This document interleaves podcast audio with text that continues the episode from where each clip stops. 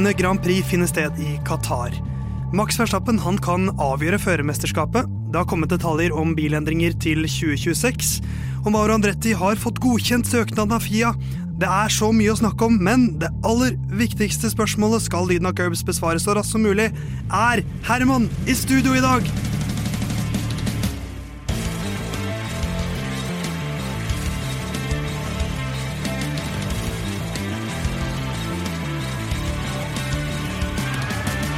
Ja, kjære alle sammen, miraklenes tid er ikke over. Herman Borgstrøm er i studio! Yes, det var med nød og neppe. Ja, Men jeg så du skrev 'du tvilte aldri'. nei? Uh, jeg tvilte. Ja. Men altså det, nå skal jeg skryte av en egenskap jeg har. For mentalt i dag så har jeg, så har jeg rett og slett ditcha lyden av curbs. Ja, Men det var åpenbart. Du spurte vikarer. De Ja, kunne ikke. Nei. Men når jeg først har signa opp for noe, så klarer jeg ikke å hvis jeg, altså, Med mindre jeg virkelig ikke kan, på en måte, Ja. så klarer jeg ikke å la være å møte. For det er forskjell på det er som jeg pleier å si, det er forskjell på farlig og ubehagelig. Ja, Uh, og i dag var det en ubehagelig dag for deg å ha av curbs, tror jeg. ja det stemmer. Ja. Så da Ja, så med min godhet Ja. har tatt meg hit. Jeg skrev jo at jeg tvilte aldri, og jeg kjørte taktikken 'er du usikker, vær skråsikker'. uh, Jon Hoftan, var du usikker? Eh, På om eh, Herman kom til å komme hit i dag? Eller på noe helt annet? Ja, altså eh, Det er jo blitt litt sånn annenhver gang omtrent. Det er en slags dans vi danser hver tirsdag, den med han idioten. Ja, altså Hvis uh, jeg hadde vært forelska i Herman, uh, Noe og, jeg jo er. Uh, og jeg skulle prøve å kurtisere han så det, er, det er på dette tidspunktet jeg hadde funnet noen andre. Herman er han som, når du går på, Hvis du går på date med Herman, så drar han fra daten og sier at 'jeg har ikke så lyst til å ta en ny date'. Og så kommer han tilbake og kjefter på deg for at du ikke kjempet for en andre date. Ja. Fordi Ja, han, han spiller det der jævlige spillet som jeg er så ferdig med. Ja, så, så, så det eh, Vi hadde ikke blitt et par. Nei, men jeg tror samtidig i den eh, analogien her Altså, jeg har aldri vært en sånn eh, bad guy når det gjelder eh, Nei, men når det gjelder sånn Jeg har, spi- jeg har spilt Formel 1-spill med deg. ja, du men er en bad guy. Sjekkemessig. Den Ok. der, altså hvis vi er på klassikeren, så har jeg aldri vært en sånn bad guy. Du drev Men- ikke og negga Helene. Nei, men nå tror jeg faktisk Det er det du driver på med nå, da. Jeg tror tilstedeværelsen min her nå tror jeg er tilsvarende bad guy, for da kommer jeg til å levere. Så dere hadde kanskje gitt meg opp tenkt sånn nei, det blir ikke oss, vi blir ikke et par. Men så er vi inne nå roter litt i dag, og så får jeg så kommer Ja. tvilen at til gode neste gang igjen. Det du beskriver, Herman, er et såkalt toxic relationship. Det stemmer. Som er det du har til Linda Curbs.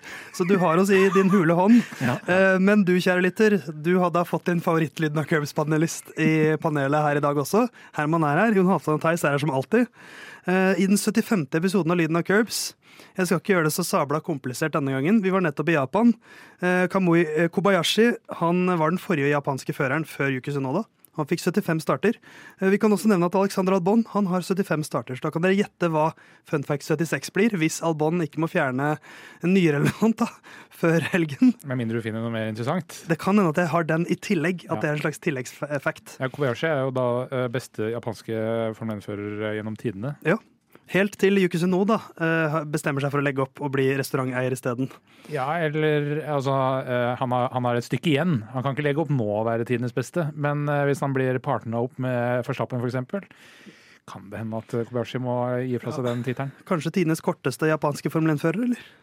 Eh, Det er kanskje mulig. Vi får se når vi kommer til Er det episode 157 eller noe sånt, at jeg kan si 'så høy er Yuki nå Da Da kanskje nok, jeg skal komme med den uh, Det er så mange centimeter som eh, Yuki rager over bakken. Ja. Men den er tynn. Hvis du liksom kommer inn på rundt 150 episoder, og hver gang så er det høyde derfra og ut.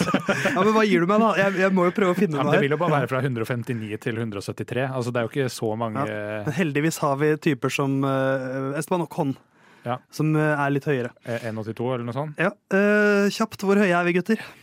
1,80, men ingen tror på meg. 1,80, men alle tror på meg. 1,77. Alle tror på meg. Uh, Lyden av Curbs klare for å dundre i gang. Uh, er du klar, Herman? Jeg er klar. Ja. Uh, Jon, er du klar? Du Jeg er har ikke noe valg. Da skal vi prate litt om Qatars Grand Prix.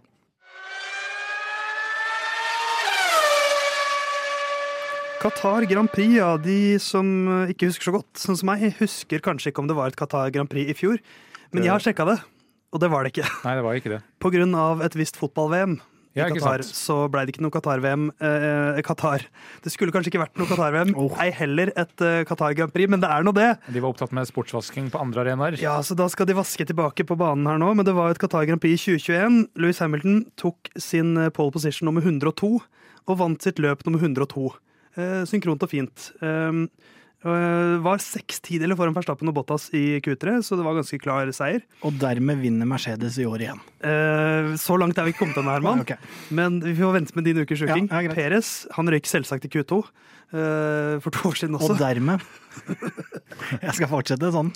Det var, uh, men Verstappen startet jo da ikke ved siden av uh, Hamilton. Han hadde da Det var en double, starta P6 eller noe sånt? ja, ikke? double yellow flag som han valgte å ignorere, ignorere da Gasly mista et dekk. Han ble stående på målstrekket Og i det, Q3. og det var på den tida hvor Red Bull fikk straff. Og derav Red Bull for Ja, da fikk de straff. Ja. Eh, Bottas han ignorerte bare ett gult flagg, så han fikk tre plasser. Mm. Så Derfor var det Gasly som starta ved siden av. Eh, Hamilton starta godt, eh, hadde egentlig full kontroll. Det var et av de løpene i 2021 hvor det var sånn åpenbart at her er det to karer som har et nivå som ingen andre har.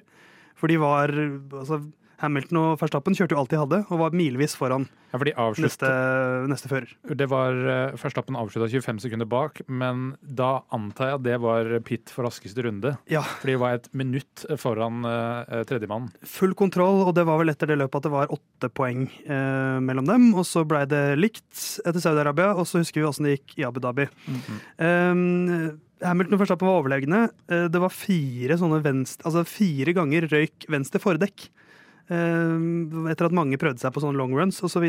Mye curb-bruk. Så det er det som det løpet huskes for. Men Jon, Curbs. curbs. Hva annet enn lyden av curbs i Qatar husker du banen for? Eh, v- eh, ja, kan du ta eh, det mer litt sånn tekniske data, kanskje? Eh, for det, jeg husker at banen er eh, nesten 5,5 km.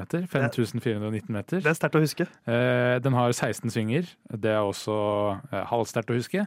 Én DRS-sone. Den husker jeg som ganske ubrukelig, fordi sving 1 er ikke eh, knallhard nedbremsing, så da er det vanskelig å kjøre forbi. Eh, men den er på eh, start målstreke da fra eh, siste sving til første sving. Eh, det skal kjøres 57 runder.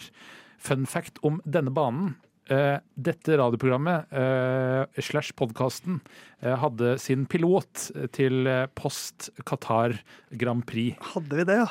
Eh, Så det er en liten fun fact der. Den, har vi, den får slippe offentlig når vi har laget 1000 episoder. Ja, det må bli eh, Eller, eller hvis, vi, hvis vi når topp top, top, topp ti podtoppen Eh, Jeg hørte ikke hva du sa. Herman, Herman, hva var det jeg sa? Jeg sa 'sa du Elvis'? Jeg, Jeg jeg hørte, ikke jeg hørte også Elvis. eh, Eller hvis. Eh, Som er hans fulle navn. ja. eller hvis Presley. Eh, Hvis vi når topp ti podtoppen, så skal jeg slippe den ut. Yes. Hvis vi når topp ni, så skal jeg slippe den ut. Herman, nå angrer du ikke på at du kom på Nei, det har var verdt det nå, altså. Ja. Eh, Men- Men ja, Nei, det er vel eh, Ja, det, var, det er jo sånne harde eh, Sånn Jeg vet ikke hva jeg skal kalle det engang. Mer sånn uh, rivjern-curbs ja. eh, på utsida som kosta Var det fire punkteringer? Eh, Mandolin-curbs. Pass på fingertuppene. Eh, ja, de er, ikke så, de er ikke så spisse. Nei. Eh, men det er mer sånn eh, Jeg vet ikke hvordan jeg bedre kan forklare det. Nei, men det var, det var mye Det var det som liksom preget løpet sist. At det var mye sånn pass på curbs. Mm. Det er en jævlig bra podkast og sånt. Det sa de på Ja. radioen hele tiden. Så sa de også 'kjør helst på asfalten'. Førstappen er litt usikker på tittelen, men Ja, eh, sjekk ut TikTok og Instagram Lyden og Curbs hvis du ikke skjønte den referansen. Eh, men Bottas hadde jo en ordentlig sånn Han dekker røyk vel ordentlig. Norris, eh, der eh, kom han seg ganske raskt inn i pit. Og så var det også Russell og Latifi som røyk på det i eh, Williams. Så det var eh, Det skjedde mye der. Men så nå er det en sprinthelg. Herman, Mm. Max Verstappen kan bli verdensmester, han. ja, det hadde vært eh, vanvittig spennende hvis han blei det. Vil du vil du høre matematikken som eh, kan Ja. få han til å bli verdensmester? Ja. Sånn at vi bare vet det. Det er fortsatt 180 poeng som skal fordeles eh, i snakkende stund. Eh, Verstappen er 177 poeng foran Peres eh, etter seieren hans i Japan. Så hvis Verstappen er topp seks i sprintløpet, så vinner han.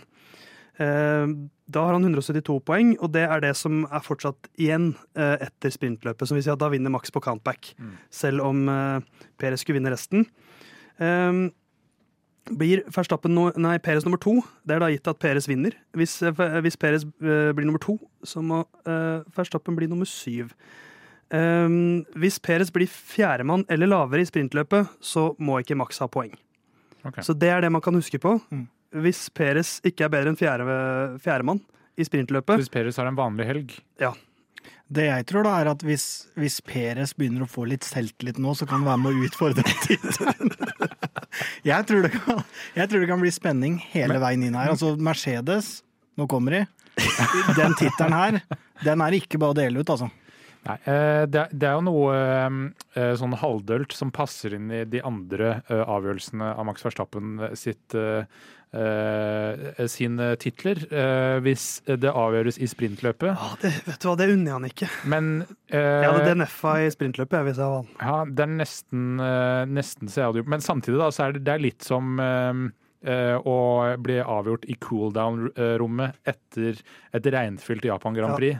Samtidig så håper jeg på en måte litt at heller ikke i år så får Christian Horner den derre Max Verstappen osv. You are the world champion. Ja, men da må Eller han jo få slag da på vei altså Uansett, så Ja. hva, Ja. Den var, den var corny, den de kjørte sist. Hvor, uh, da kjørte de også en sånn We are the world champion. Ja. på grunn av And you are the world champion. Ja. Nei, men så at det, blir, at det blir en litt sånn våt klut av en greie han må dra i år også. Om det er liksom at Max blir Eller at, at bare Max ikke At begge Red Bull-bilene bryter i sprintløpet. Det holder jo. You are the world Ja, den, men hvis, hvis Peres, fordi det er jo en eh, ganske kul situasjon. Hvis Peres bryter etter sving én, og så kommer Christian Horner på radioen med en gang ja, Max. det er sant. You Og are the den, world kjøp, den kjøper jeg faktisk litt, i så fall. Men jeg, det blir jo på en måte første eh, VM-tittel for Max uten kontrovers, da. Enten man er Ifølge, eh, ifølge Elvi, uh, deg. Elvis.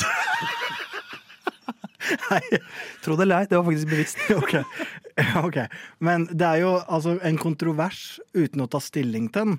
Eh, Så det påvirkes jo ikke av meg. Det var jo en kontrovers i fjor, og det var Ja, en det var kontrovers året før. Og så kan man være på den ene eller andre sida av kontroversen og si ja, det var ingenting, men det var fortsatt en kontrovers. Noe var det. I år er det ikke noe, på en måte, å, å ta den på. Bortsett fra de gamle pengene. Ja, da, ja da, da begynner vi å bli mer suspekte, jeg skal være Ja. enig i det. Ja, for nå begynner det å bli Og det er ikke snakk om så mye penger at sånn Ja, bare få ta det, da. Altså, det er ikke, eh, du vinner ikke med 20 sekunder med 400 000 dollar Nei. eller euro eh, ekstra. Han- Eh, man har gått ned en rute som er bedre enn alle de andre rutene. Ja, og det, det er litt som altså, det fins jo doping som er prestasjonsfremmende, og så har du doping som er mer teknikaliteter. eh, Men som fortsatt er doping. Ja. Og jeg føler dette er nok mer en teknikalitet enn at det er veldig prestasjonsfremmende. Det Det er greit, du, du har eh, fått litt anabol i kroppen, men det er så lite at det egentlig ikke har vært prestasjonsremmende. Det Men det er fortsatt bol i kroppen. Det skal jeg faktisk være enig med deg. Det er Så- ikke klink anabole steroider, det greiene her. Men det er fortsatt Det er teknisk leppekrem. sett det, ja, ja, men det var, det var Kanskje et sted midt imellom. Ja. For vi vet jo ikke hva de, det leppekremgreiene faktisk altså, nei, nei, for det nei, men hvis, på vi, hvis vi tar det for face value, da. Ja da. Ja. et sted drag for mye i, eh, på astmamedisinen. Det er det Red Bull har gjort. Eh, men eh, bak Max Verstappen så er det jo en ganske spennende kamp. Eh, og den mener jeg at på ekte er spennende, når det er såpass mange forskjellige førere som er med i kampen om andreplassen. Ja. Sergio Perez har da 223 poeng. Louis Hamilton 190. Så følger Fernando Alonso på 174. Eh, I hovedsak de tre det kanskje handler om. Carlos Sainz 150. Charlie Clair 135. Uh, Perez Hamilton Alonso, da. Det er jo en, en saftig fight, det, Herman. Som selv du kanskje kan sette litt pris på. Det er, en, det er på en måte en saftig fight, men samtidig så er det tungvektere som på en måte kjemper om smuler. Um, og får vi på en måte Altså, det er jo ikke en andreplass smuler, da. Det er litt smuler. Hvis, nei, ikke hvis det er ta andreplassen fra Peres. Hvis Hamilton eller Alonso tar den andreplassen Det er en prestasjon. ja, fra Sergio Perez, altså samme hvilken fører det er, men i andre Red Bullen, det er en prestasjon. Ja, Altså, jeg tror de kjører det de kan for å oppnå eh, så bra resultater de kan, for all del, men jeg tror ikke, kanskje i hvert fall ikke Sir Louis, tror jeg ikke klarer Jeg tror ikke man klarer å motivere seg 100 Jeg vet ikke om jeg orker å trykke gassen her nå, selv om jeg kan ta andreplassen fra Peres. Det er jo ikke helt sånn, da. Det handler jo noe om eh, Ja totalpakka rundt og forberedelser inn i en helg og alle de tinga der. Men det er klart, det er jo litt Det er jo også spennende å se. For jeg tror ikke noen av de liker å tape til hverandre. Det tror jeg ikke. Så det kan nok hende, og litt sånn som man så Hamilton i forrige løp, når Russell på en måte plutselig er forbi, så ser du at det går en eh, god gammel faen i Hamilton. Så de, har jo, de liker sikkert ikke å tape for hverandre, så det, sånn sett så er det jo ganske spennende. Men, men når det gjelder uh, det britiske førermesterskapet, uh, så det vinner Hamilton med 190 poeng. Uh, delt, eller på countback leder Norris over Russell med 115 poeng. Og Det er jo en litt interessant duell, i hvert fall Ja. eh, McLarens form om dagen. Den er, den er nesten enda mer interessant. Vi skal snakke om liksom fører som slår annenfører i en egentlig bedre som, Hvor den som taper, har den beste bilen. Uh, I og med at Mercedes er nummer to i konstruktørmesterskapet, ganske klart foran McLaren. Uh, hvis Norris slår Russell. Det ser ikke helt bra ut for Russell. Nei, Russell har vært utrolig uheldig, da. Ja, det, er bare, det har ikke vært hans år, vet du. Men, uh, ja, men på en måte, hvis du ser sesongen under ett sånn det er nå, så ser det ikke så bra ut. Det er jeg enig i. Men den McLaren-bilen nå ser jo ut som den nest beste. Og så er Ja, det den, litt altså, den er jo, i hvert fall ifølge meg, Ja. den nest beste bilen nå. Ja, og så er det jo litt baneavhengig da, enda. Det er jo kanskje sånn at eh, enkelte baner så har de ikke løst alt. sånn at De vil ikke være den nest beste alltid, men sånn totalt sett så ser jo de nå ut som kanskje den nest beste bilen. Og da, hvis det fortsetter ut sesongen, så har jo på en måte det fortrinnet som Russell hadde blitt spist inn og vel så det, da. Så mm, det er ikke helt amatørmessig heller, men eh, at han på en måte er oppe og nikker allerede, det er jo litt eh, snodig. Det er eh, veldig snodig, kanskje. Vi skal kikke litt videre bak kanskje alle de beste lagene.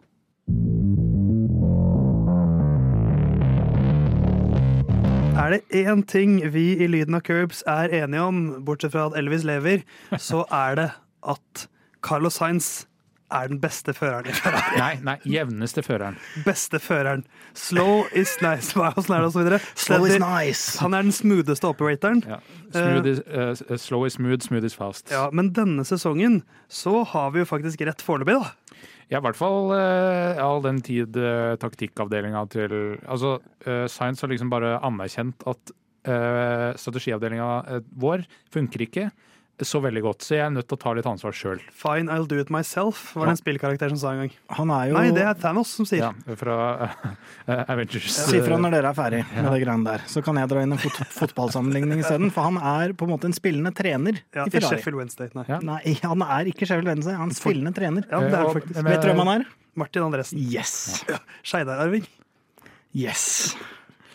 Har du mer om den? Uh, Martin Andresen. Nei, men, Carlos Sainz har jo kjørt en god sesong. Han har vunnet et løp som den eneste eh, som ikke kjører Red Bull. Og det i seg selv er jo, eh, sier jo noe. Ja, eh, og så er det jo opp mot Leclerc, da. Leclerc virka litt sånn ødelagt eh, etter fjorårssesongen.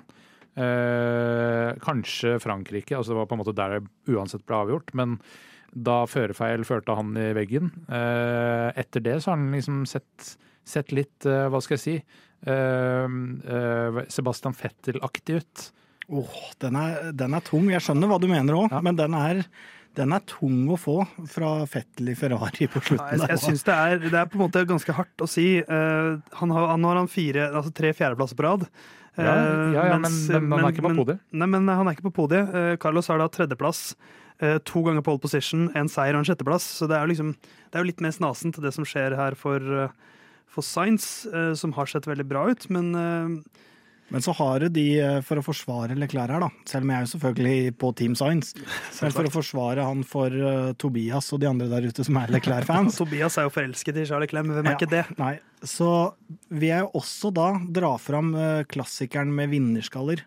De klarer ikke motivere seg for sånne der helt middels resultater. Så jeg tror det ligger noe i det. Det her er altså Det er helt åpenbart for Leclerc. Eh, Det er ikke hans sesong, og da har han kanskje slappa litt av. Um, altså Fokuserer kanskje litt mer. Han er jo nysingel. Litt mer fokus på det glade liv neste Litt for mye piano. Ja, neste Både- år. Ja. Hans år. Neste år. Du, du? snakker som en Liverpool-fan nå. Neste år. Neste år. Altså, de er jo, Liverpool er jo langt framme Ja. i skoen sammenligna med mitt lag United, så det Men du, du prater om, om vinnermentalitet, mm. som om dette er en motivasjonspodkast Ja. eh, med Bertrand Larsen eller noe sånt. Ja. Eh, Fins det ikke flere typer vinnerskaller? Har du ikke de som altså, Science er jo en grinder. Han er jo en som liksom Han er en pitbull, han, eller en grevling. Han biter til det knaser. Ja. Mens eh, si at eh, Charles Clair er mer en gaselle. Han spretter rundt og er liksom ikke så eh, ærgjerrig. Men fortsatt eh, ekstremt talentfull. Du har jo altså talent altså, hva, hva- skal man si? Konkurransehjerne er ikke bare én ting. Det er litt Jamie Vardy på sitt beste mot eh, Berbatov på sitt beste. Vet du hva, vet du hva Jon? Det er den beste fotballsammenligningen vi har hatt i Lyden av Cups Tusen takk. historie. Tusen For det er takk. akkurat det der. Den ene løper og løper, og den andre er bare sånn her luksusspiller som bare venter på eh, å få en ball på fot. Men som har et naturtalent Ja. som er udiskutabelt. Som hvis det spilles riktig, så er han kanskje best i verden. Ja. Er, du, er du enig i den sammenhengen? Nei, jeg skjønner hvor dere skal. Um, og så tror jeg det er Når det gjelder det med vinnerskaller, da, så tror jeg det er flere typer vinnerskaller. Men jeg tror samtidig alle de aller, aller ypperste er en helt egen sjanger. Der tror jeg ikke det er Jeg tror, jeg tror du må ha noe annet enn grinders og long game og alt det der. Jeg tror det er noe helt eget som på en måte får henta ut resultater. Litt som Leclerc gjør på når han setter pole positions og, og kjører de enkeltrundene som er så syke. Um, men uh, igjen, ja, men jeg, føler- vet jo ikke noe. Jeg føler det er uh, litt feil, for han klarer ikke å holde fokus hele veien. Uh, fordi for å være i nærheten av å vinne, så må han kjøre så nærme maks han får til, og ikke Max Verstappen. Eh, Men, men, men da Verstappen han er eh, et annet type konkurransemenneske, for han gjør jo ikke annet enn å kjøre bil, enten det er simracing eller eh, eh, Formel 1, og alt betyr noe. Ja, for det, er- nettopp det. Sånn, et intervju hvor det var Norris, Albon og Russell som hadde en sånn rookies fra noen år tilbake, har en ny prat sammen.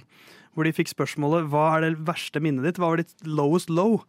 Og da trakk han, det han trakk fram, var den dagen da Kubica fikk ett poeng og ikke han. Mm. Så smått er det. De, altså den, det er, jeg, jeg tenker at det er en sånn mentalitet der med at det gis ingenting ved dørene. Nei. Og en sånn type er Carlos Sainz. Og det tror jeg også Charlie Clair også egentlig er. Bare at de jobber på en litt annen, annen måte.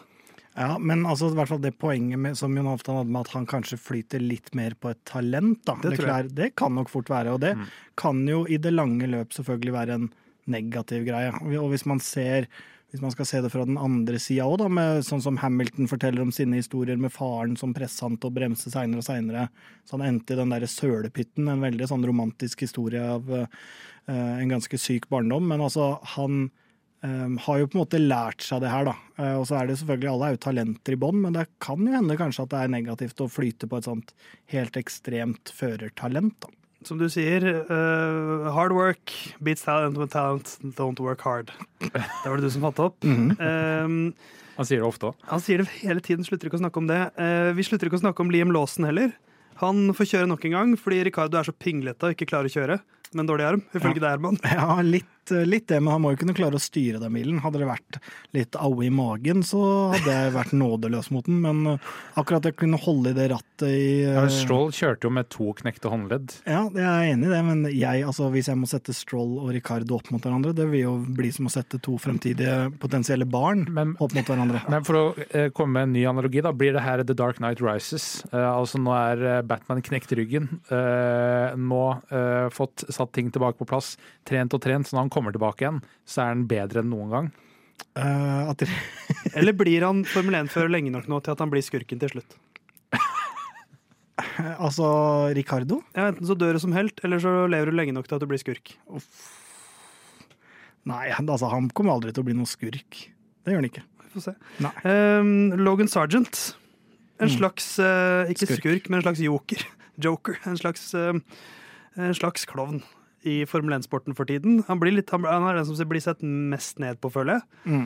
Eh, men Williams forsvarer ham litt. Vi snakker Logan Sargent. Logan Sargent mente jeg å si. Ja, jeg var helt med på at du snakka om Sargent. jeg. Mente virkelig Logan Sargent. Eh, Williams har dog sagt ytret ting som tyder på at eh, døra er langt fra lukket, men den er ikke, han er ikke helt sikker enda. Det er litt sånn hvis det bare går greit nok, Mm. som jeg har fått inntrykk av i hvert fall. Eh, Men da er det jo litt eh, Vi snakka vel om eh, det sist, at James Wowles har sagt at vi har brukt litt mer penger på deler enn det vi forutså. Um, eh, og da med Når du har en Liam Lawson som gjør det bedre enn Sergeant, det må vi kunne si, så fremstår det litt rart.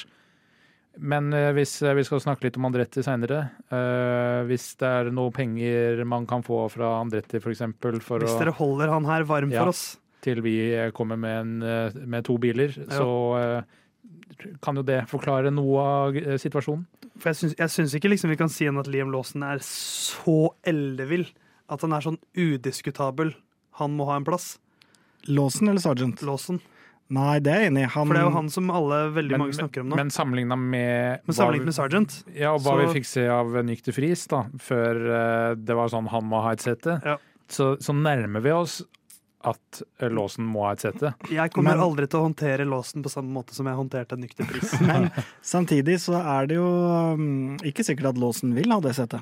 Nei, det er det ikke. se det fra den, for han er vel Han ligner mer på Piastri. Ja, og så er vel Låsen, som i hvert fall jeg så noen rykter, lova et sete i Red Bull-systemet. Men det ble vel demontert av Horner, gjorde det ikke det? At nei, sånn, det har vi aldri sagt. Nei, men de skal De ser jo Sikkert Helmut Marko Marco som har sagt det. De ser jo på Peres som den store framtida òg, nærmest. Sånn at eh, de, de eh, Max Og han. Daniel Ricardo, ikke minst. Supertalentet fra Australia. Sant.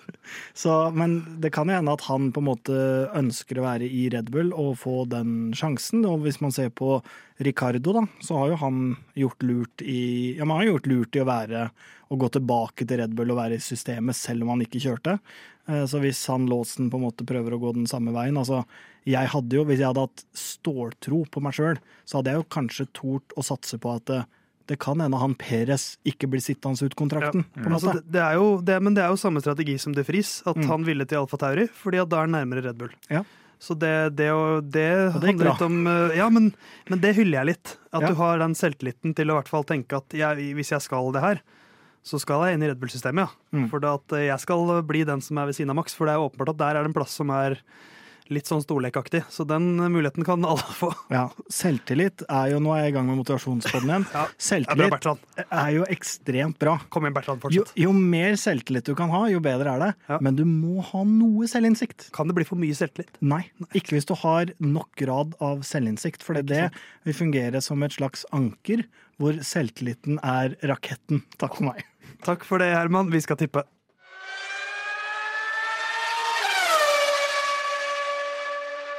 Qatar Grand Prix det er runde 17 i årets Formel 1-sesong. Det er også runde 17 i Lyden og Curbs sin tippesesong. Jo Halvdan, Ja. hva går tippinga vår ut på? Tippinga går ut på eh, det er eh, to, tre, fire, fire faktorer. Eh, Vi skal tippe topp tre, som er tre faktorer. Og vi skal tippe ukens sjuking. Topp tre det er jo da pallen. Vi får tre poeng hvis vi treffer på riktig person på riktig plass. Vi får ett poeng hvis vi treffer på riktig person på pallen, men på feil plass. Så det er ukens sjuking det er da en sjuk hendelse som skal skje i løpet av løpet. Det må godkjennes av minst én annen i studio, og hvis den inntreffer, får man 20 poeng. Eh, Det har ikke skjedd så langt i sesongen, men vi gir ett poeng til den som er nærmest. Og det har jo da med andre ord blitt delt ut ganske mange poeng. Det var en regel vi innførte litt halvveis, litt sånn en tredjedel inn i sesongen. Ja. Det er blitt delt ut en del poeng på det òg. Ja, Uh, ingen til meg. Nei, ikke et eneste et.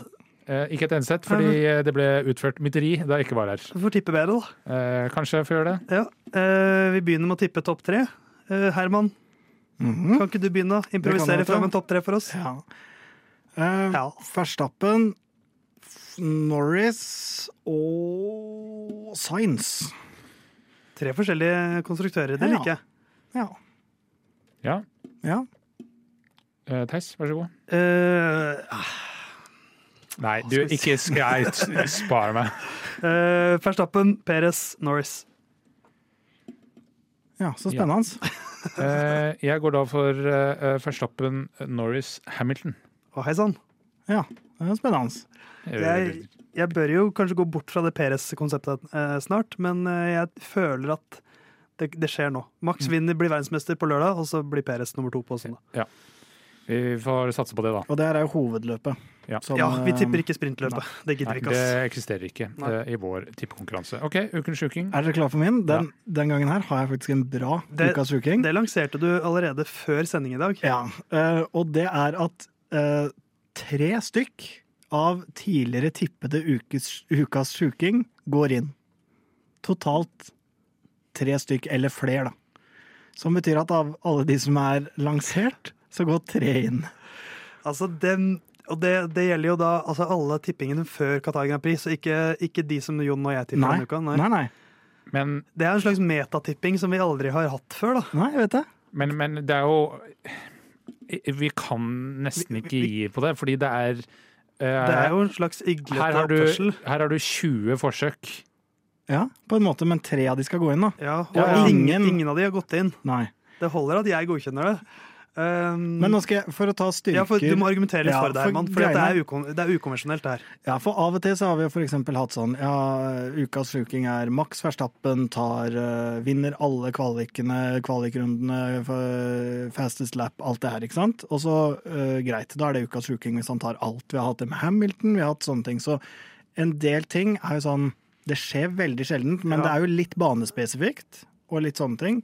Og for eksempel min ukas sjuking sist var jo at Sunoda skulle få ny kontrakt. Den har jo allerede gått Ja. inn, så, den, så en del ting vil jo strykes. Den jeg hadde i Singapore med at Tom Erik-svingen er der løpet blir avgjort. Ja, men samtidig da, så har du McLaren P1 og P2 i Q1. Det kan skje. Eh, Du har Verstappen leder Q1, Q2, Q3, SQ1, SQ2, ja, SQ3. Alle rundene i sprintløpet, alle rundene i hovedløpet og tar raskeste runde og vinner med 30 Men igjen, sekunder. begge de to kan ikke skje. Begge de to kan ikke skje, men Nei. du kan ta Og så skal tre stykker gå inn. Det har aldri gått inn en ukas den som eh, vinner bytter dekk tre ganger. Doble poeng på Williams og minst åtte poeng totalt. Eh, og eh, For det, eh, det som er skummelt her, er at det er, vi har jo, det er jo utvikling gjennom sesongen. Så Ja. for et halvt år siden så tippa vi på et annet grunnlag enn det vi gjør nå. Ja. Eh, samtidig så har jeg litt lyst til å eh, sitere en god venn av meg som sa det er jo litt gøy hvis én Ja. går inn. er, Eh, men Herman, hvis jeg sier fire, så har du den. Altså, jeg, ja, fordi jeg er også med på fire. ja. men samtidig, eh, da vil jeg bare lansere en ny ting her. Fordi jeg syns ikke det skal være sånn at er man litt usikker, så må man en opp. For jeg tenkte faktisk, når jeg kom i studio studio men du kan si 3,75. Hvor tre stykker nei, lage Men jeg tenkte faktisk når jeg kom, at uh, to, i dag skal jeg, jeg skal si to. Og så tenkte jeg nei, kanskje det blir litt diskusjon, Ja, så jeg tar tre. Ja. Men det er ikke sånn at å ja, vi er litt usikre, så da må man Vet du hva? opp. Et godt forhold det handler om å gå på kompromiss. Ja. Så Herman, du får den. Takk. Jeg er ikke helt fornøyd med det. Jeg syns kanskje at det var feil gjort. Eh, Men Faen, det blir et helvete for meg å finne ut av alt det. men ja, for dette krever også en del av Herman. Ja, han må faktisk logge inn uh, i Google Workspace og finne det regnearket her. Og han, du får ingen hjelp av oss. Ingen hjelp. Og du der hjemme, hvis du har lyst til å hjelpe Herman, så ikke gjør det. Jo, gjør det. Gjør det. Hjelp meg. Tobias har sikkert skrevet ned alt det her i et eget Excel-skjema. skjønner han rett. Eh, Jon, jeg vil gjerne levere min til, til slutt. Du vil gjerne levere din til slutt. Da skal jeg bare, jeg skal bare se om det er en eh, ting til jeg skal putte inn her. Eh, og det, det blir det. Eh, Er det Elvis? Ja, uh, Science vinner spanjolenes Grand Prix. Russell vinner britenes Grand Prix. Og Ocon vinner eh, franskmennenes Grand Prix. OK, men hold your hester. Eh, Den siste er verdiløs. Det er jo 50-50, på en måte. Det, går, det blir jo ikke skill game, som vi kaller det i gaminga. for da, da Du sa altså Ja, egentlig, da må for det, ja, jeg skal egentlig bytte til eh, Alonso. For dette er jo en sånn Alonso må slå Signs. Ja. Eh, Russell må slå Russell Hamilton og Norris. Og Ocon må slå Gasly. Den holder ikke for meg. Nei. Her, hvis det er, tre, det er tre faktorer her også Ja, men Alon at Alonso slår Sainz, det er langt fra urealistisk. At Russell slår Norris og Hamilton, langt fra urealistisk. At Ocon slår Gasly, ganske realistisk. at, Men det skal skje i samme løp, Theis. Det kan fort skje i samme løp. Jeg er enig. Ja. Er, det Jeg er, uenig. Ja, Ja, selvfølgelig er du det. Dette er jo Ja, din hva, ukes få kjøkken. høre, hvordan vil dere skru det til, da? Um, vi må ha noe Det må være mer konkret, tror jeg. Jeg tror kanskje um, okay, jeg, tror jeg, jeg, bare skriver inn, jeg bare, skriver, bare for å gjøre det mer konkret. Det må skje i Qatars Grand Prix. Ah, jeg tror du burde hive Albon inn i miksen. Ja. Ja, men uh, hva da? At han vinner uh, Thailand. Thailands Grand Prix? Nei, han er jo brite, selv om han kjører under thailandsk eh, flagg. Ja, okay. Plasser han inn i miksen. Men at eh, Russell slår Albon er ikke så Nei, men at Albon slår noen av de andre. Ok, Eller. Russell vinner britiske Grand Prix, Ja. og Albon er ikke bakerst. Av de fire Ja. Om den liker jeg litt. Jeg syns fortsatt det er, um, er ok, da, nå, er, Men- nå, er, men- men nå har vi plassert plassert samtidig mange Så har her. Alonso og Co gjort det såpass dårlig, så hvis det var at Alonso slår Science Ja, uh, Og så vil jeg sitere en god venn av meg som sa det er litt gøy hvis én går inn. Ja. Jeg er den som trenger Altså, jeg trenger disse poengene mest, Ja. fordi jeg blir, har gradvis blitt uh, Vi skal ta Hvem er det som leder igjen? Uh, Det er meg.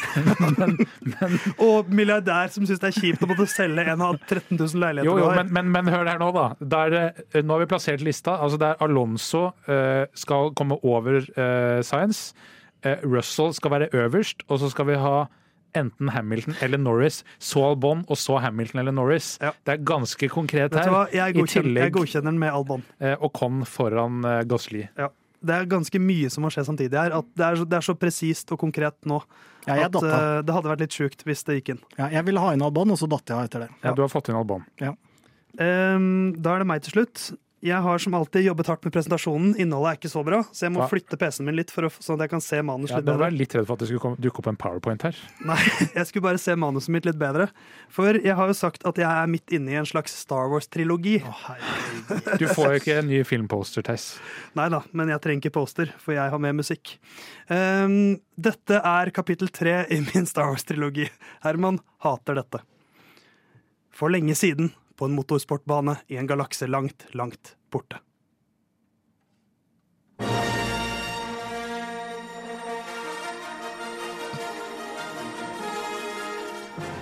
Episode 17, Formel 1-sesongen 2023. Return of the Papaya. Oscar Piasti returnerer til ørkenen i Qatar i et forsøk på å redde Formel 1-sporten fra klørne til den grusomme gangsteren Helmut Marco de Hutt, og enda en Red Bull-seier. Lite vet Oscar at Red Bull-imperiet har reist seg igjen, og at de østerrikske despotene nå er på ordentlig stø kurs etter at den første dødsstjernen sprengte i Singapore før Darth Verstappen slo tilbake i Japan. Men de britiske rebellene utnytter seg av en liten pitstop-svakhet som gjør at imperiets mektige dødsstjernebildekk eksploderer. Anført av en ung stjernepilot fra Australia med en papayafarget lyshabel, så vinner Oscar Piastri Walker Qatar Grand Prix etter en pitstop-tabbe fra Red Bull som senker Darth Vader-stappen for godt. I hvert fall helt til neste løp. Ja. Altså Jeg har jobba litt, i hvert fall. da. Ja, det er jobba, men uh... For John, nei, John Williams har jobba, og du Ja. bare piggybacker på hans eh, arbeid. Og George Lucas. Ja. ja Han har jo skrevet eh, introen her.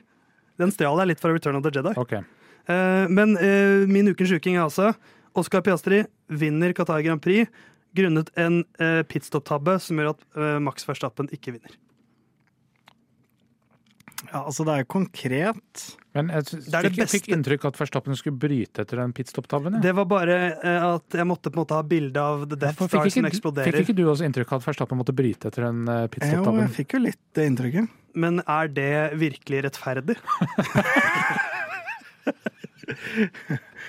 Eh, er, vi snakker om det laget som er best på pitstop Ja, i men, hele bransjen. men tegn bildet for meg.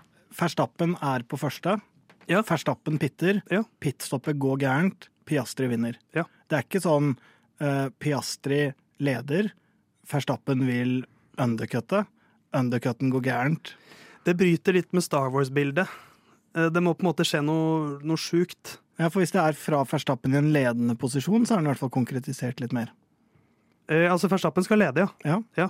Verstappen leder. Det ser ut som han har Netto eller eh, på det værende Nei, han skal, ikke kjøre, la- han skal ikke kjøre naken i nettoen. Det blir for sjukt. Ha, ha, ha.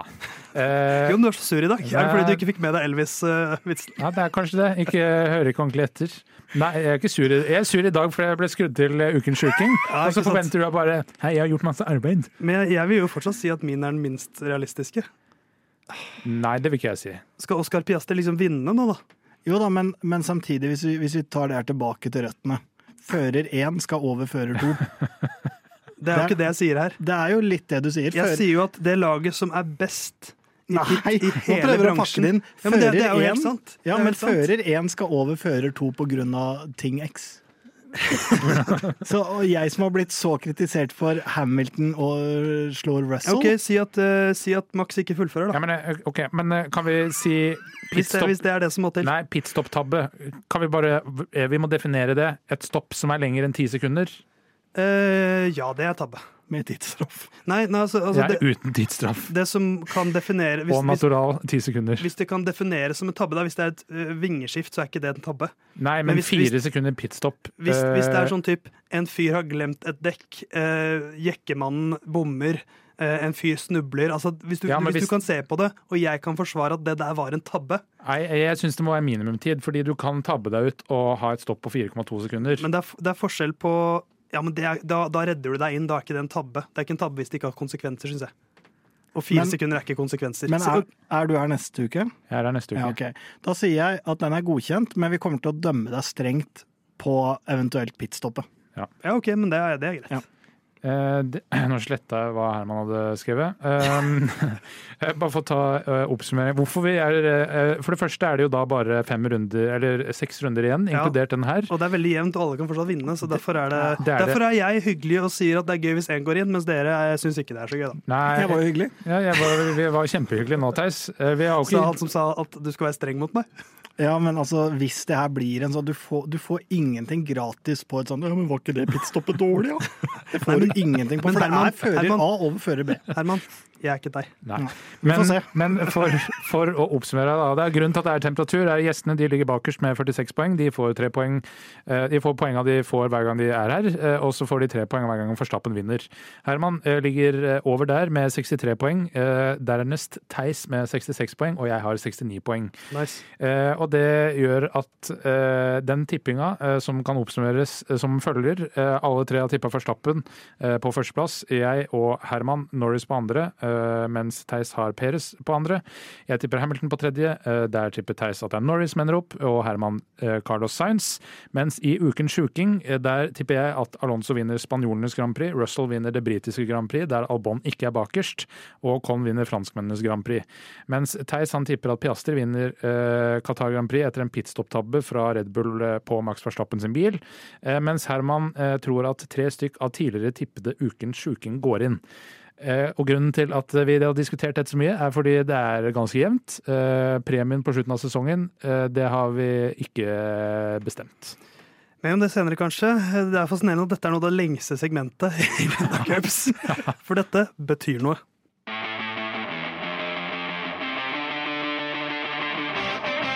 Ferrari 640, Herman, det er en Formel 1-bil du husker godt. Åh, den var altså så magisk. Og det var jo spesielt det her nesepartiet som var så utrolig eh, typisk for akkurat det, bilene på den tida. Ja, den var, eh, Det var veldig veldig spesielt. Mm.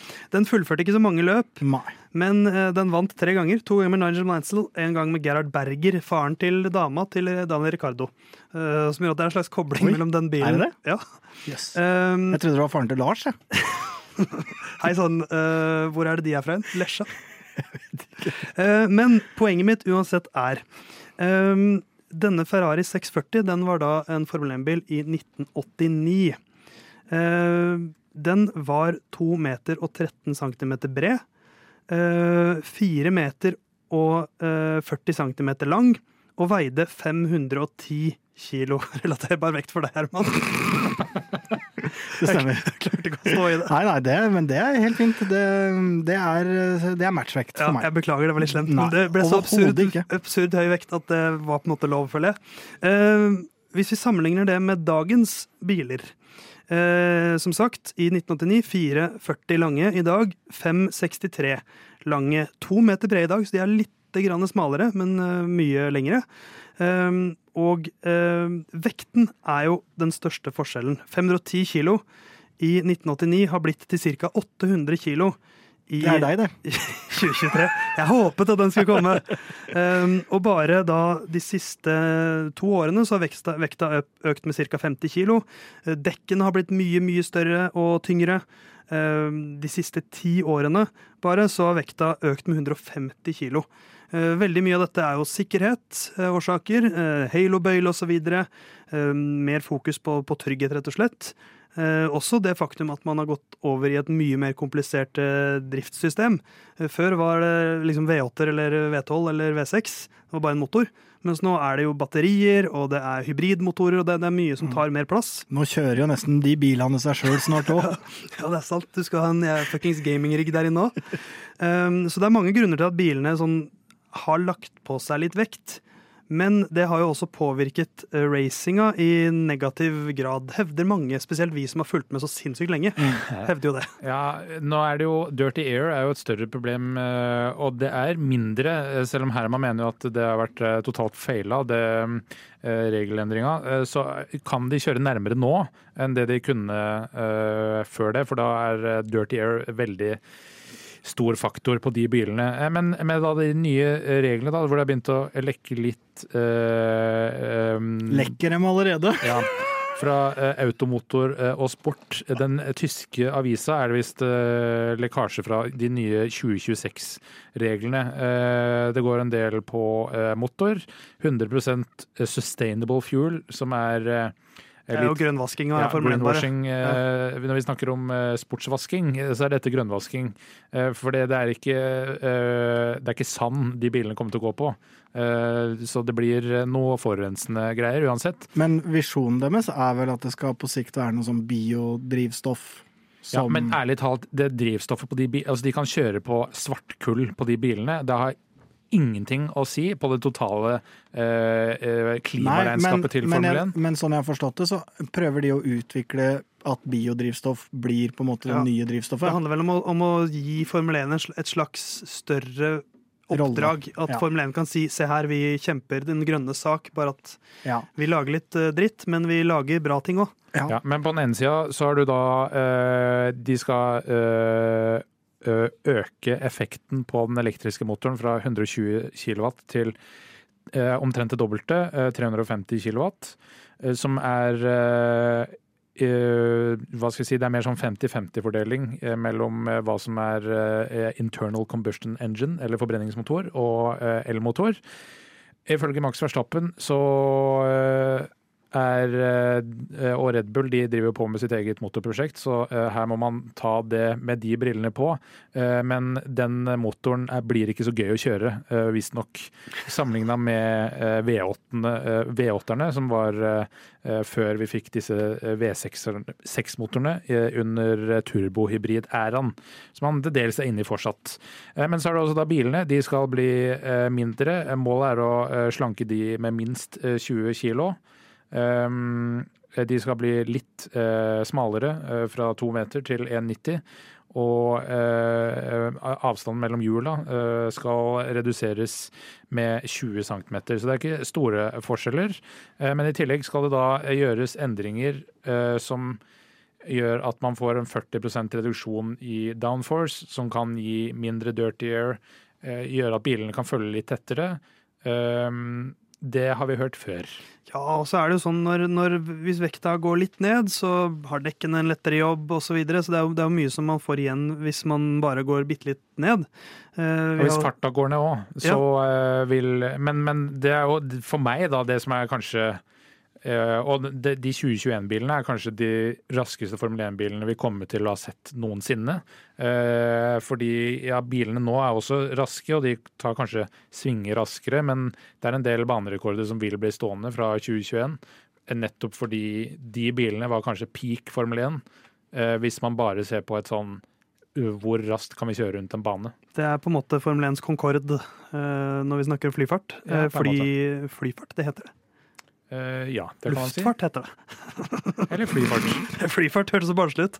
Um, men mindre biler i utgangspunktet er jo ideen her ikke dramatisk mye mindre, men man er i hvert fall blitt bevisst på at nå har det kanskje blitt litt, litt mye bil her. Men- For disse bilbanene er jo, eh, mange av dem i hvert fall, ikke bygget for den størrelsen eh, som Formel 1-bilen er på nå. Ja, da spørs det om å være så på hybridmotor er løsning hvis det er vektreduksjon man ønsker. Eh, og hvis, Ja takk.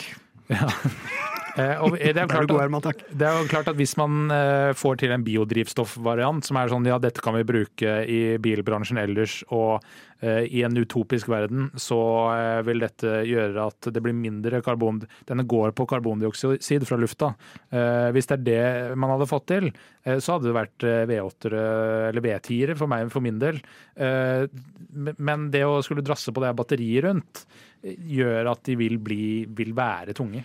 Så er det jo noen fordeler med den eh, bilstørrelsen òg. Det er jo at det skaper jo større sikkerhet. Eh, hvis du ser på de bilene fra 90-tallet, 80-tallet, de er så, de er så, så latterlig små. De ser så små ut, og de ser så Det var ikke var det ikke noe halo heller, selvsagt, men du får, du får jo mye mindre altså, å gå på. Crumple zones som ikke er eksisterende. Ja. Du sitter på bakken og har beina veldig utsatt til. Altså, du, det er jo livsfarlig. Men målet må jo være at man på en måte kan se eh, tett og jevn racing side om side på en bane som Imola, da, på en måte. Altså det er jo, det er jo enkelte baner som er... Ja, du gikk for den vanskeligste banen. Jo, men altså, det er Du jo vil ikke at det skal være side om side rundt hele Monaco? Nei, Frode Pedersen. Nei, jeg vil på Imola, og jeg vil se at det er litt uh, side om side der. Og det er også litt derfor Fy fader, først nå tok jeg side om det side. ble, side om side ble sagt Uff. veldig mange ganger. Ja, men Men eh, det er vanskelig å fortsette eh, etter den. Men det var litt av min kritikk mot de nye bilene, og det ikke har gitt noe heller. For ja, de kan ligge nærmere hverandre, men det er først og fremst racing. Uh, gi en posisjon, ta en posisjon, miste en posisjon. Det er jo det på en måte jeg vil se. Jeg vil ikke bare se biler ligge jævlig tett på hverandre. Da har jeg begynt å banne opp. ja, men hvis uh, det, det er jo når man kan ta litt forskjellige linjer, så man kan komme omtrent samtidig til nedbremsingssonen. Altså, NASCAR blir jo aldri. Eh, vi kan ikke drive og ligge fire biler i bredda rundt, eh, rundt og rundt banene. Da er det andre motorsporter man kan se i stedet. Fire biler i bredda på Imola. Da er jeg fornøyd. Men, men å finne en slags sweet spot der, da, hvor det er eh, fordi at det er, ikke, er, det, er det ikke noe gøy å se biler kjøre 10 km i timen raskere hvis de bare kjører etter hverandre. Det er ikke Da er det på en måte Det er, som, det er, ikke, det er ikke det som er Formel 1 for meg. Nei. Jeg vil jo se, som Herman sier, forbikjøringer. Dra heller, hvis, hvis det man må gjøre er at bilene blir bitte litt treigere, uh, og så får vi mer spennende racing, så vil jeg heller ha det. Ja. Ja, det, det var jo det som eh, fram til og med er det 2016, da var det liksom eh, mer racing som var greia, og så endra man til de bilene som man bytta bort fra nå eh, etter 2021, eh, som førte til dårligere racing. Eh, og så er det bilene som man har nå, fordi man kan følge tettere. Så hvis du er en mye raskere bil, så eh, klarer du å eh, komme deg forbi lettere, fordi det er lettere å følge. Eh, så målet må jo være at de selvfølgelig også blir jevnere, men eh, det er jo ikke noe man kan styre uten å gjøre det til en Spec-serie, og da er det Indycar som er greia i stedet. Det er gøy å snakke om vekt og så si spekk. Ja. Eh, men det er fortsatt eh, altså to, sesonger, to fulle sesonger til før nye regler kommer, så det er jo ikke så lenge. Men det var 2022 var det 25% flere forbikjøringer enn 2021. Og hvordan står det til i 2023, det vet vi ikke, men det får vi se på når sesongen er over. Kanskje med et nytt lag på start snart, eller?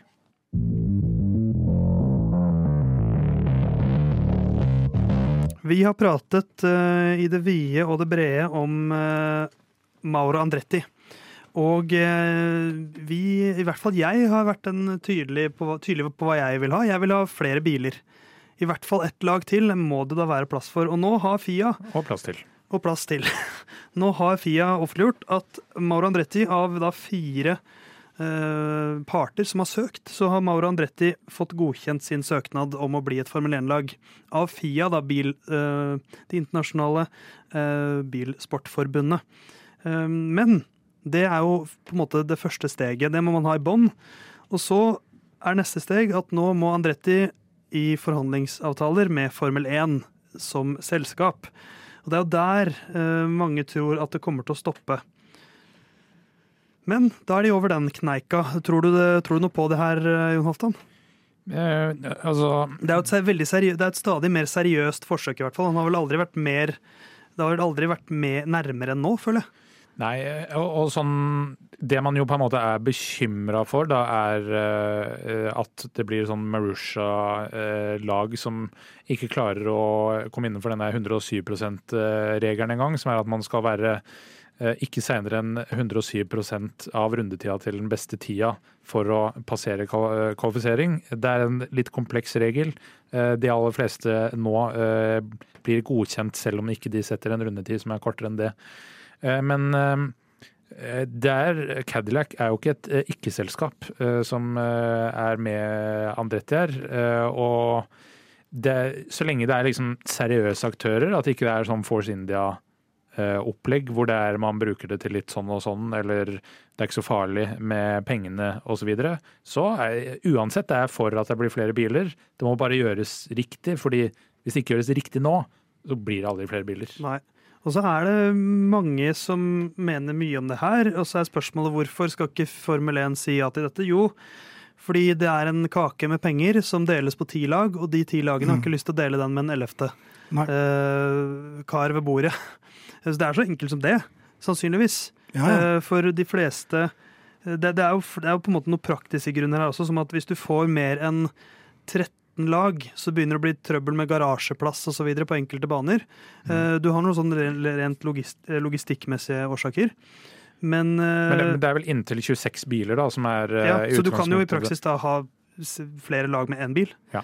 Eh, om det er det det liksom skal stå på. Men, eh, og nå er det også sånn at Formel 1 er det lettere å drive business i. Eh, så det er liksom du kan, Hvis du først er inne, så er det lettere å holde seg der. Jeg så et argument på Twitter med hvor altså, greia var at nå har de laga som er der, investert såpass mye i Formel 1 når de lå på en måte med en litt brukket rygg, da. Under covid. Um, ja, ikke bare da, men også på en måte i litt tregere år før det. Det er jo ikke noen tvil om at uh, interessen har eksplodert med Drive to Survive og Men- alt men- som har skjedd rundt. Men det var spesielt inn mot 2020-sesongen, eller utsatte starten der, Ja. når McLaren eh, ble solgt ut i deler, og det er derfor det er eh, 72 logoer på den bilen, blant annet, og Has eh, ikke stilte til start i to år, osv.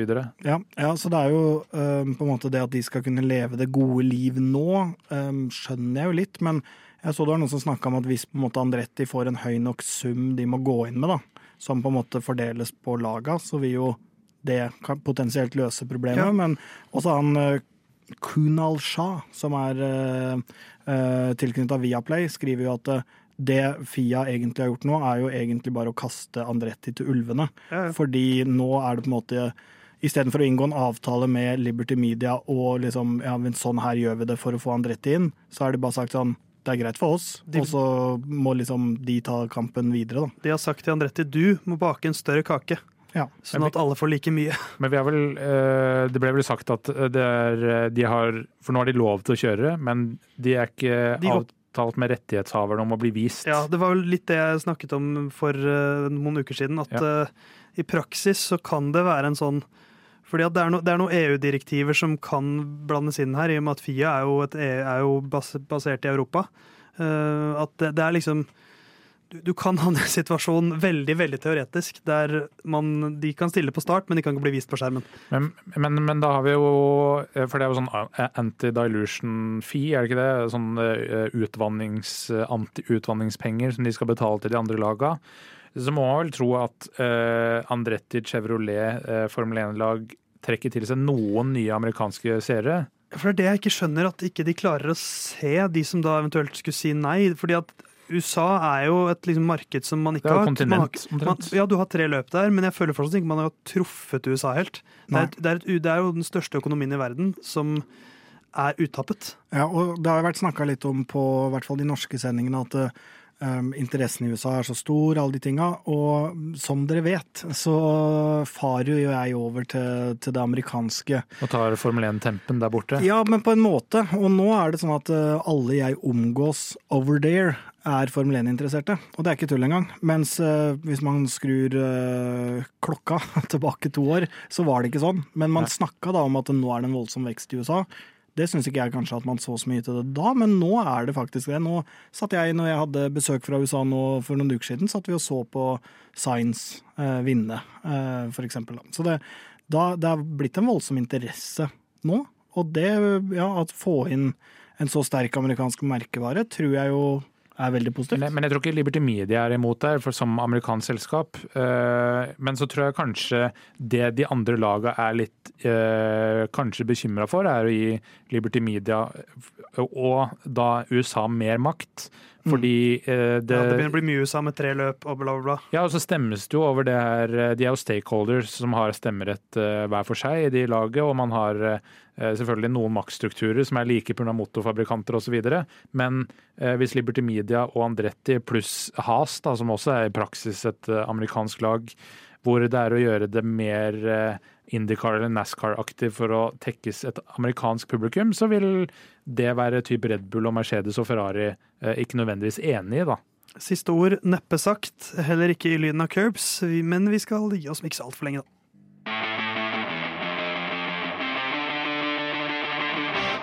Men før vi gir oss, så skal vi begå litt brukerjournalistikk. Eh, vi har fått inn noen, eh, et par spørsmål her. Vi kan ta fra Marie Elise, som egentlig har et spørsmål til deg, Herman. Ja. Eh, hun skriver som trofast Viaplay-seer registrerer jeg at Herman byttet fra Viaplay til F1 TV for en stund siden pga. at han ble sur for noe. spørsmålstegn. Men nå tilbake på Viaplay igjen. Jeg er nysgjerrig på hvorfor. Gleder meg for øvrig til en ny episode. Veldig hyggelig. Ja, det er hyggelig. Eh, jeg husker faktisk ikke hva, men jeg blei jeg blei sur for et eller annet, det stemmer. Ja, sa de noe slemt om Louis eller noe sånt? Nei, men det var noe Det var en De hadde en dårlig eh, en dårlig helg, hvis jeg husker riktig, på Viaplay. Og så var eh, Formel 1 avgjort og dødskjedelig. Og så kom Premier League-prisene, og så blei de dyrere. Så er sånn, da så tenkte jeg sånn United er elendig, så jeg bare orka ikke følge med på sport så dyrt på Viaplay. Um, men så kom jo fotballsesongen i gang igjen, så, da var, så jeg var egentlig aldri over på F1 TV. Nei. De gangene jeg prøver å se på F1 TV, så er jeg inne på Jon Halvdan sin uh, bruker, og jeg klarer ikke finne fram. Rett og slett, Jeg er for dum til å løse F1 TV. Så det er grunnen brukervennlighet, rett og slett? Ja, og så For det er, det er utrolig vanskelig. Det er det for meg. Og så er, når jeg, i hvert fall når man ser eh, Premier League og Formel 1 som sine to hovedsporter, så er det tross en veldig høy pris faktisk verdi i å En ha det det er på verdt å Viaplay. Det skjønner, det skjønner jeg, at eh, da får du på en måte to fluer i en litt stor smekk. Ja. Men det er fortsatt en mindre smekk enn Ja. Videre. Men, eh, men hva, hva syns du er For du har sett et par løp av F1 TV, Ja, det har jeg. Hva syns du, for jeg har jo, Det er lenge siden jeg har sett Viaplay. Mm. Eh, Det er jo alltid på en måte nice med en lokal forankring, syns jeg. Ja, det syns jeg òg. Den syns jeg man skal ha. Det syns jeg også. Og så er det, det er noe litt rart på Viaplay innimellom, som også er litt sånn sjarmerende. Men nå har de fått han derre Kunal inn i studio ganske ofte, som er jo ekstremt kompetent. Uh, han snakker jo engelsk, altså blir litt eh, avansert, selvfølgelig. Du henger med der. Ja, jeg henger jo med, etter, hvert fall når jeg har vært uh, over there ganske nylig. Men Du fortalte han vel om turen din til Yosemite. Nei, det, det, det gjorde jeg ikke. Men det er jeg, Og så syns jeg faktisk at Atle Gulbrandsen er en skikkelig bra kommentator. Det syns jeg. Og de hadde, det skal jeg jo For jeg kan både gi ros, og jeg kan gi litt ris til Viaplay. De hadde en helg hvor uh, Atle Gulbrandsen ikke var hovedkommentator. Han var ikke med, han var on site. Uh, det gikk ikke så bra. Jeg, altså jeg har aldri savna en kommentator mer i hele mitt liv enn uh, når Atle Gulbrandsen ikke var der som Formel 1-kommentator. Det er en ærlig sak, det. Ja. Um, men det er på en måte svaret, da. At eh, det er litt praktiske årsaker og litt forvirringsårsaker. Men, men jeg skjønner jo, altså du får, du får ikke valgt bort uh, Formel 1, og så blir det litt billigere i det Viaplay-abonnementet. Så for Nei. deg ville et eh, F1 TV-abonnement blitt dyrere igjen. Ja, det er bare tillegg, i Ja. så fall, på noen sportsrettigheter jeg allerede betaler for. Før vi gir oss, så skal vi ta et spørsmål fra Øystein Dale også. eh, som er på en måte en slags skryte... eh, hva skal man si? En skrytesetning fra Øystein selv. Som uh, han skriver leder den prestisjefulle Fantasyligaen. Uh, vår, da, uh, ligger det implisitt der. Hva blir premien om du holder ut en sponsa Formel 1-tur? Et privat møte med den beste føreren Max? Tre sending på rad med Herman? Er spent. Skriver Øystein. Og vet du, Øystein, det er jeg spent Det er jeg også, for jeg har ikke tenkt på den ligaen, det skal jeg ærlig si. Ja. Siden vi fronta den litt tidligere i sesongen, da noen av lytterne våre lurte på om vi hadde en liga. Ja, Den kom i gang litt seint også. Eh, det kan godt hende at vi skal følge dette litt bedre eh, opp neste år. Om vi skal. Men, men jeg er ikke sånn utrolig fancy-interessert i fotballverden heller. Eh, Men Tøystein Dale, eh, det er kanskje et møte med den beste føreren eh, i redaksjonen. Eh, Eventuelt at vi møtes eh, opp på Alnabru for å finne ut av hvem som er best. Men det vet vi jo, folkens. Eh, ja, nå, nå om dagen er det jo meg. Eh, etter at de bytta til de elektriske kartene. Eh, Ja, med den der kampfiksingsskandalen ja, ja. som å bare, for, bare for å oppsummere, da. Det er eh, heller syv lag med. Vi fronta den ikke så veldig. Eh, Dale Racing eh, han leder med 4654 poeng. Så har vi Bergen Norway. Eh, det vet jeg ikke helt hvem er. Nei. Eh, det, er Det er Bergen Norway. det er ikke dere to, med 4293, så det er litt under 400 poeng bak. Eh, 700 poeng bak, der kommer jeg med uh, Porschell Racing, som er da uh, Russell Porsche-navnekombinasjon uh, og racing. Eh, leder med 150 poeng på det, tror jeg, Theis. Eh, lyden av middelmådighet. Ja, det er meg. Det ligger ca. på midten. Ja, fjerdeplass. Og så her, det er ordentlig, ordentlig tett i bunnen. For på femteplass er det 2791, sjetteplass 2765 og sjuendeplass 2763. Så borgeren Borg han leder akkurat foran Turbo Bros og Feyai. Det som er søtt, er at vi ligger i samme rekkefølge her som vi gjør i tippekonkurransen vår. Ja. Eh, Men vi kommer tilbake til deg, da, Dale, hvis du vinner. Kanskje du skal minne oss på det når sesongen er over. Vi får se. Lyden av curbs er i hvert fall tilbake om en uke. Da skal vi oppsummere Qatar Grand Prix. Husk at det er kveldsracing til helgen. Eh, Herman, du er tilbake om en uke. Det er jeg. Jon, du er ikke det? Jo. Jo, du er den siste før du drar. Siste før jeg Theis drar. er selvsagt her. Vi høres.